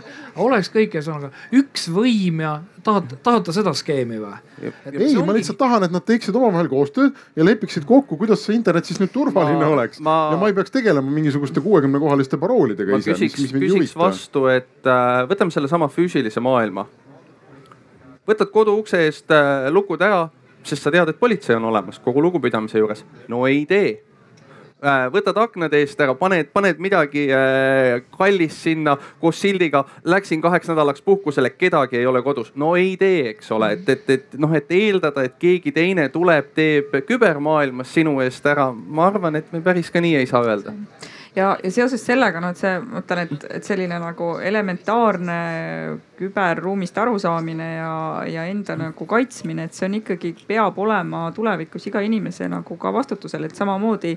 et see maailm ongi nii palju muutunud, et vanasti seda termina-, seda noh, vajadust üldse ei olnudki, seda ruumi ei olnud, täna see on tekkinud ja loomulikult on ju riik teeb äh, koostööd operaatoritega äh, nii selle nii-öelda praktilise tegeliku tegevuse poole pealt kui ka selle teadlikkuse poole pealt, aga see on ikkagi enda, enda vastutus. Aga tulles siia nagu tavainimese ellu, et üks asi, mis me oleme hästi palju rääkinud täna siin paneelis sellest, et äh, keegi ründab ja need andmed lähevad kuskile ja, ja kõige selle taga on nagu selline väga tugev nagu nii-öelda rahaline motivaator üks asi, mida, mis oli minule hästi äh, silmi avav kogemus, oli äh, meie suurima julguse kampaania, kus me käisime lastega rääkimas tegelikult erinevatel siis tur-, ütleme siis küberturvalisus on võib-olla liiga peen sõna laste mõttes, aga, aga mismoodi käituda siis turvaliselt internetis. ja, ja selleks, et sa oleksid nagu haavatav, ei pea üldse keegi alguses tahtma neid andmeid su käest kätte saada, et hästi palju on ikkagi seda, et me kipume ise vabatahtlikult tekitama sellist informatsiooni ja ka jagama seda, mida on võimalik siis hiljem ära kasutada, et neid näiteid on olnud ka meedias, kuidas keegi saatis mitte võib-olla päris sellise avalikkusele mõeldud video kellelegi. kuidas prokuratuur saatis Savisaare kaitsjale no antud juhus, antud, antud asi oli nüüd küll nagu lastega seotud, et, et üks neiu saatis endast video äh, enda siis äh, nii-öelda suhtluspartnerile internetikeskkonnas kes seda hakkas siis hiljem kuritarvitama, see viis aastat tagasi oli väga suur äh, probleem sellest, kuidas see video pärast maha saada, eks ju. Et äh, ma tahan seda öelda, et, et üks asi on see, et see IoT seade võib kuidagi seal võrgus midagi teha ja, ja mingeid andmeid mult võtta aga, aga palju nagu kodulähedasem on see teema, kuidas me ikkagi ise ka igapäevaselt tekitame infot, jagame mingeid pilte, mida ma võib-olla ei taha, et kõik inimesed näevad ja saadan ka mingi sõnumiga kellelegi või, või, või, või saadan ka mingis privaatsemas äh, suhtluskanalis mingeid pilte, mis ei ole mõeldud kogu maailmale, onju et ähm, ja, ja siin ma pean ütlema, et äh, lapsed täna, Eesti lapsed mulle tunduvad äh,, on nagu väga teadlikud aga eks... probleem on teiega, kes siin istute, onju. eks neid lapsi et, ole ka koolitatud. et lapsi on meil koolitatud, ma tahan öelda, et see kasvav nagu generatsioon, et nemad nagu teavad, nemad ütlevad ka, et ega ma ei saadagi, ega ma ikka enne nagu saan aru, kellega ma suhtlen, onju. aga teie, kes siin ümber laua istute, onju, siin kuulate täna meid. et teie teete selliseid, ma julgen öelda kõva häälega nagu, et lollusi ja siis pärast imestate, et aga kuidas need pildid lekkisid või kuidas see inimene võis neid kasutada kellelegi teisele näidata. no võiski, need olid tema telefonis muide Eesti, mul tuli meelde sinu jutu peale, et Eesti pensionäridele pidi tegutsema Facebookis spetsiaalne ennustaja, kes, kes üle Facebooki teatud väikse raha eest ennustab sulle äh, igast asju ette. palun, meil on küsimus. minul küsimus täpselt, seesama, sama teema. on sees, ei ole? ei saa aru, me kuuleme suhteliselt halvasti siia lavale. kas kõlari, aa nüüd on, ja. et äh, tegelikult täpselt sama teema, et, et panen kliendi sussidesse kuueteistaastane, elan selles mängudes üles kasvanud, kogu selles internetisüsteemis. ma enam-vähem tean, mida ma jagan, kas panen võõraste nimedega, kuidas need koodid ja kõik nii edasi. olen kuuekümne viie aastane naisterahvas, mul on kaks kõrgharidust, ma töötan meditsiinis ja, ja, ja ma tean, et mul rahakott on taskus, kui keegi tuleb võtma, siis ma tunnen seda füüsiliselt. ma ei tunne seda füüsil- või noh, ütleme virtuaalset rahakotti, ma ei hooma seda. ma olen kuuekümne viie aastane, mul ei ole seda vaja, ma ei ole mängudes üles kasvanud. E, ja, ja, ja siis ma tulen ja siis mul tuleb öösel tuleb samamoodi tuleb kõne, tuleb kaks kõnet ja ma olen kohusetundlik, lähen hommikul alati õigel ajal tööle, teen oma asjad ära ja ma helistan alati oma kõnedele tagasi vasta ja, ja nüüd, nüüd on küsimus, et, et kas võib-olla Telia peaks saatma mulle SMS-i ja ütlema, et, et stopp, et vaata, et, et, et on olnud rünnak ja, ja võib-olla oleks targem, kui sa jälgid, et sa ei helista tagasi. teistpidi, seesama kuuekümne viie aastane, ma ei vaata kunagi kui ma tõmban selle Yandeksi alla, et seal on nelikümmend kuus, et ta võtab nüüd kõik, kõik asjad ühesõnaga ja raporteerib kuhugi et, et noh, inimesele on past, pandud tohutult suur vastutus ja siin peakski võib-olla tõesti riik tulema natukene appi või, või siis need suured partnerid appi, et harima, kasvatama, koolitama. Ja ma olen sellega, ma olen sellega sada protsenti nõus, aga sellesama puhul, et me mõtlesime seal erinevaid lahendusi, täna on ka nagu töös see, et kui need petukõned, sest neid tõesti neid petukõnesid, pean ütlema, võrgus neli aastat ei olnud, et see oli üks nüüd esimene kord üle pika aja ja, ja, ja selleks on meil ka Äh, teatud nii-öelda täiendused olemas, et kuidas tõesti klienti paremini teavitada. Aga, aga ka see, sellepärast ka meie oleme täna läinud äh, just inimesi nagu koolitama ja, ja rääkima, mida tegelikult peaks jälgima mm, küberruumis, sest et tõesti, kust see info tuleb, et äh, nemad äh, täna teatud, eks ju, vanusest edasi on enamikku oma elu äh, elasid või kasvasid ja käisid koolis, kui sellist asja nagu küberruumi ei olnud ja, ja nende jaoks ongi need uued reeglid, et tavalukk, tavaruumis ta oskab ukse lukku panna, seal ta seda ei tea. Ja, ja see on kindlasti ongi nagu äh, nii telkode kui kõiki IT-firmade kui ka ma arvan, riigi oluline osa just äh, selliste inimeste nagu õpetamine ja sellele tähelepanu juhtimine. äh, kas riik peaks rohkem tegema, noh, ma arvan, et, et minu vestluspartnerid oskavad siin ilmselt öelda, kas selline karmimad nii-öelda võib-olla reeglid ja mingi asja ärakeelamine, kas see nagu aitaks, ma väga ei usu, ma arvan, et see peaks ikkagi tuleb tulema sellest, et me teavitame trahvid. jah, see vaene proua sinu näites siis maksab Ta selle trahvi, trahvi et ta sama sellistas ma tahan sellest vaesest prouast veel natukene rääkida, see oli väga hea näide, ehk siis temal on rahakott taskus ja tema tunneb, kui keegi sinna kallale läheb. Et sa ainult arvad, et see niimoodi on. üks vahe, kui Tallinnas taskuvargaid palju oli, politsei tegi vähe sellest, et need videod, kuidas nad töötavad paaris, eks ole aga ma olen kuulnud politseinike enda kommentaare, tähendab tuli üks soomlane, kes oli taskuvarguse spetsialist, eh, politseis töötas.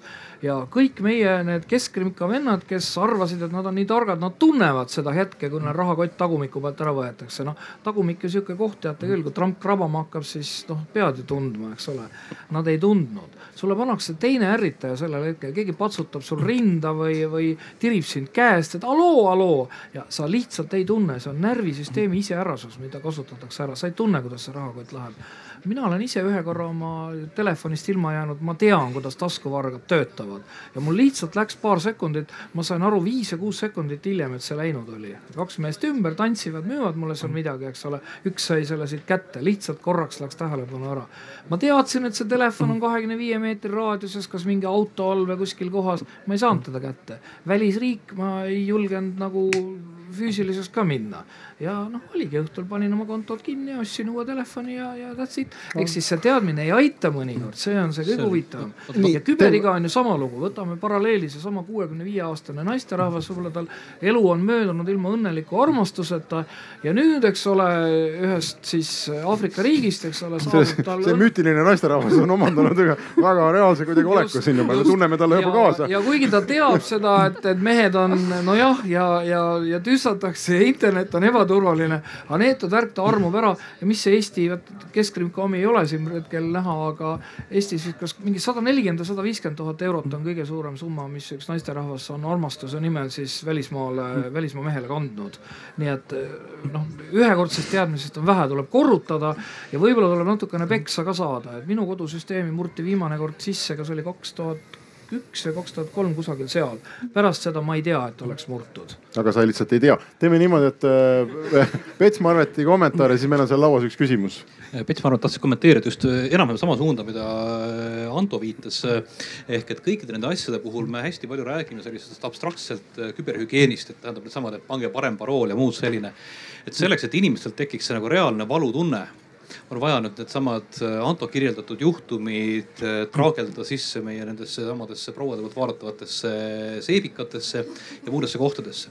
paar päeva tagasi oli kohutavalt rumal näide, kuidas jäeti kasutamata võimalus harida inimesi nimelt äh, Viljandi politsei avastas, et äh, tegeletakse nii-öelda selle äh, firmajuhi pettusega ehk tuleb see kiri, kanna natukese raha üle.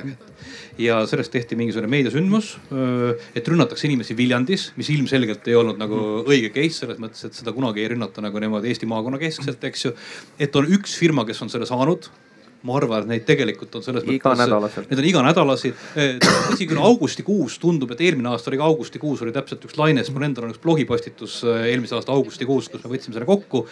ja seejärel politseiga tehti ka raadios intervjuu ta kirjeldas seda asja, aga ta ei suutnud kirjeldada ühtegi spetsiifilist markerit, milline see kiri välja näeb, kuidas toimub täpselt see suhtlus.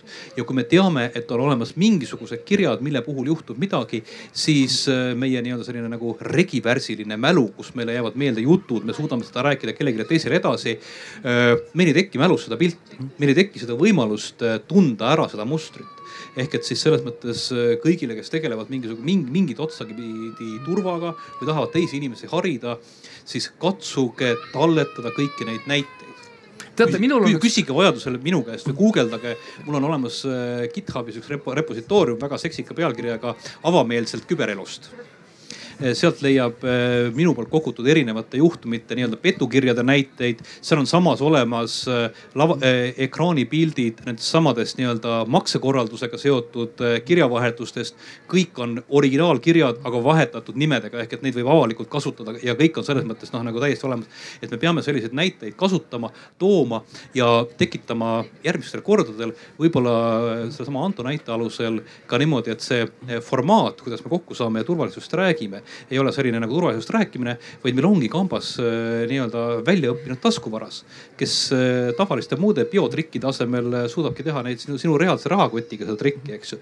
kas me suudaksime tegelikult mängida ette sulle ekraani peal neid samu stsenaariumeid mis on seotud erinevate internetipettustega ja väikese läbi, läbimõtlemise korral on neid kõiki asju võimalik teha sellisteks noh, nii-öelda töötoa või selline nagu amusement toa formaati. et see sadakond arvan... inimest läheb siit varsti minema ja hakkab siis vaatama, et mis telefonis alles on.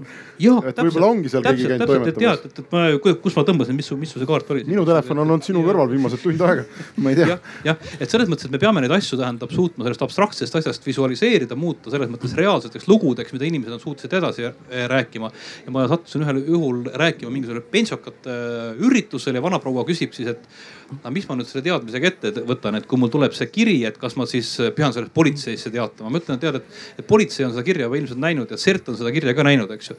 aga ole hea, äh, teil on kindlasti olemas mingi padjaklubi seal, eks ju käite koos, joote teed ja, ja värki kasvatate begooniaid, eks räägi seal kõigile, kuidas on ütle, et kõik räägiksid meestele, räägi lastele ja räägi kõigile. et selles mõttes rakendaks selle nii-öelda vanatädide võrgustikku selleks, et see sõnum tegelikult räägiks ja kõik ja kõik, kõigil oleks võimalik. sest kujuta ette, kui sa vanatädile räägid selle küberpettuse loo ja see on huvitav lugu ja tal on seda huvitav edasi rääkida, sest et tema teab seda, seda sisemist lugu. Õnne, õnne kolmteist jah, siis on võim-, võib arvata, tähendab, et mingi kolmanda ringi peal muutub see lugu tõsiselt õudsaks. kõik nagu turul räägivad sellest kuidas tehti, kuidas tõmmati, ka mina tean, see oli mu tuttava tuttav, eks ju, see päriselt juhtus, eks ju Võtame.... me peame lihtsalt sedasama noh nagu inimlikku sellist äh, nii-öelda infosõja taktikaid võtma kasutusele enda poole peal. võtame ühe teise näite, seda te ju kõik teate, et USB pulk võib nakatada, eks ole. aga seda te teate, et USB printer võib nakatada et fotoaparaat võib nakatada. mul oli sihuke lugu, laps tuleb koju ja ütleb, kuule tõmba mu pildid sisse, tõmban pilte sisse, viirustõrje hakkab karjuma tin-tin-da-da ja siis mingid punased asjad tulevad ekraanile. no laps sai ehmatuse, tunnistas üles jah, et oli käinud sõbrantsi juures ka mingeid pilte sisse tõmbamas.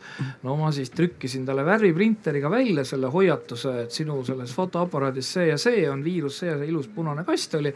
ja siis ta sellega järgmine päev, siis ta oli koolis oli tehtud plika selles mõttes, et näe, minu fotokas on viirus no ma arvan, mingisugune ikka päris mitukümmend last said teada, et fotokases võib ka viirus olla.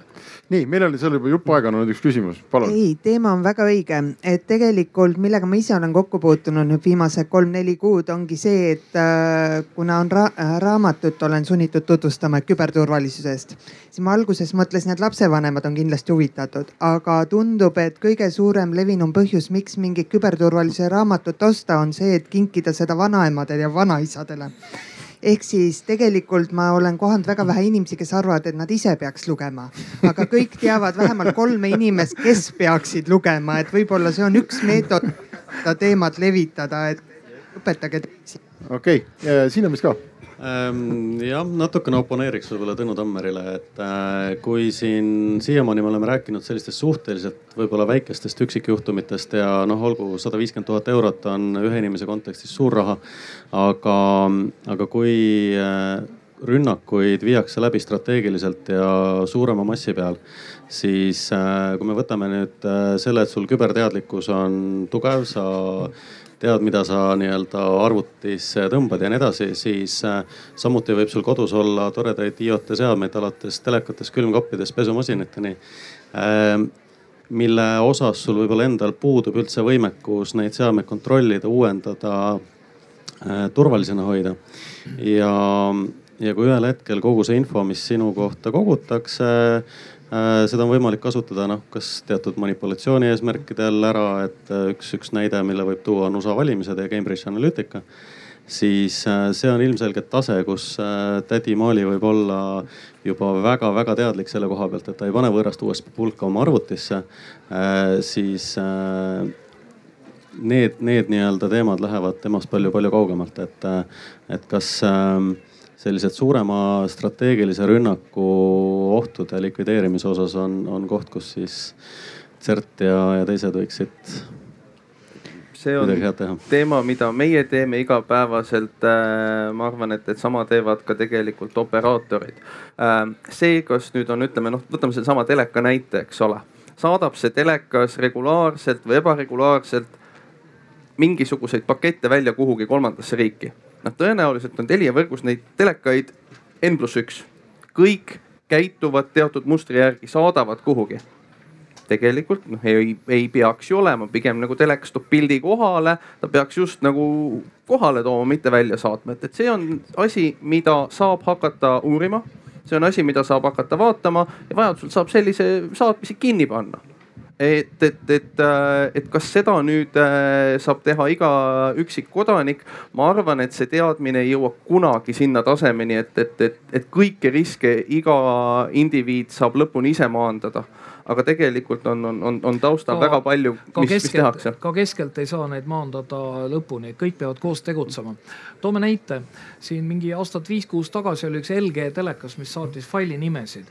ehk siis, kui sina oma USB pulga pealt vaatasid videot, mille nimi oli eh, see Mari ja Jüri sauna taga ja siis mingid sõnad olid seal veel, siis see läks LG peakorterisse ja see leiti, et on väga suur jama kas te seda teate, et ühel suurfirmal on patent selle kohta, et teleka küljes olev kaamera vaatab, mitu inimest istub diivanil ja seda filmi vaatab.